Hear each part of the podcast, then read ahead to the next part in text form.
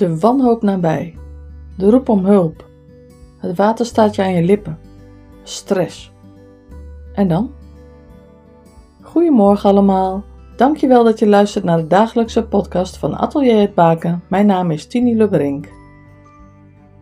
Een paar dagen geleden had ik een heuse flutdag. Vrij snel had ik de controle terug over de tranen en kon ik me herpakken, waardoor ik mijn to-do-lijst en afspraken heb kunnen volbrengen. Toch hield dit me zo nu en dan bezig en dat maakte dat ik nog niet helemaal verlost was van de zwaarte van dit moment. Hoe heb ik dat gedaan?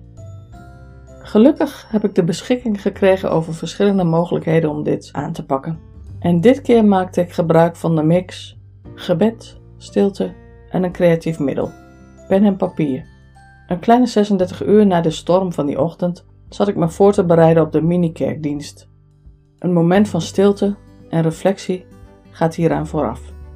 Ik bad zoals ik graag bid, schrijvend. Ik vroeg om kracht om op te staan, om het positieve terug te krijgen. Ik riep om hulp, zoals David in zijn psalmen regelmatig om hulp riep, en liet dit verder los. Wat er gebeurde was bijzonder. De minidienst begon en dit thema sloot heel erg aan op mijn gebed en het proces wat zich van binnen afspeelde. Psalm 143:8, een heel klein stukje daaruit hoor. Laat mij weten welke weg ik moet inslaan. Help mij toch, welke weg moet ik inslaan? En even verderop, haal mij uit deze ellende. Vervolgens werd ik in een deel van de tekst van Jesaja 58:8 wakkerder door deze woorden. Alles wat u moet doen, is de boosheid uit uw midden wegdoen.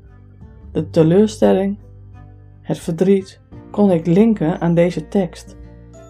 Het was zo'n bevestiging van hey Tini, je voelt je rot, maar ik ben bij je, zoals ik altijd bij je ben. Zoals ik altijd al bij je was, zoals ik altijd bij je zal zijn. Ik voelde me steeds blijer en opgeluchter. En nee, ik weet nog steeds de antwoorden niet, maar ik vertrouw, ik geloof en ik weet dat het goed zal komen. Prachtig.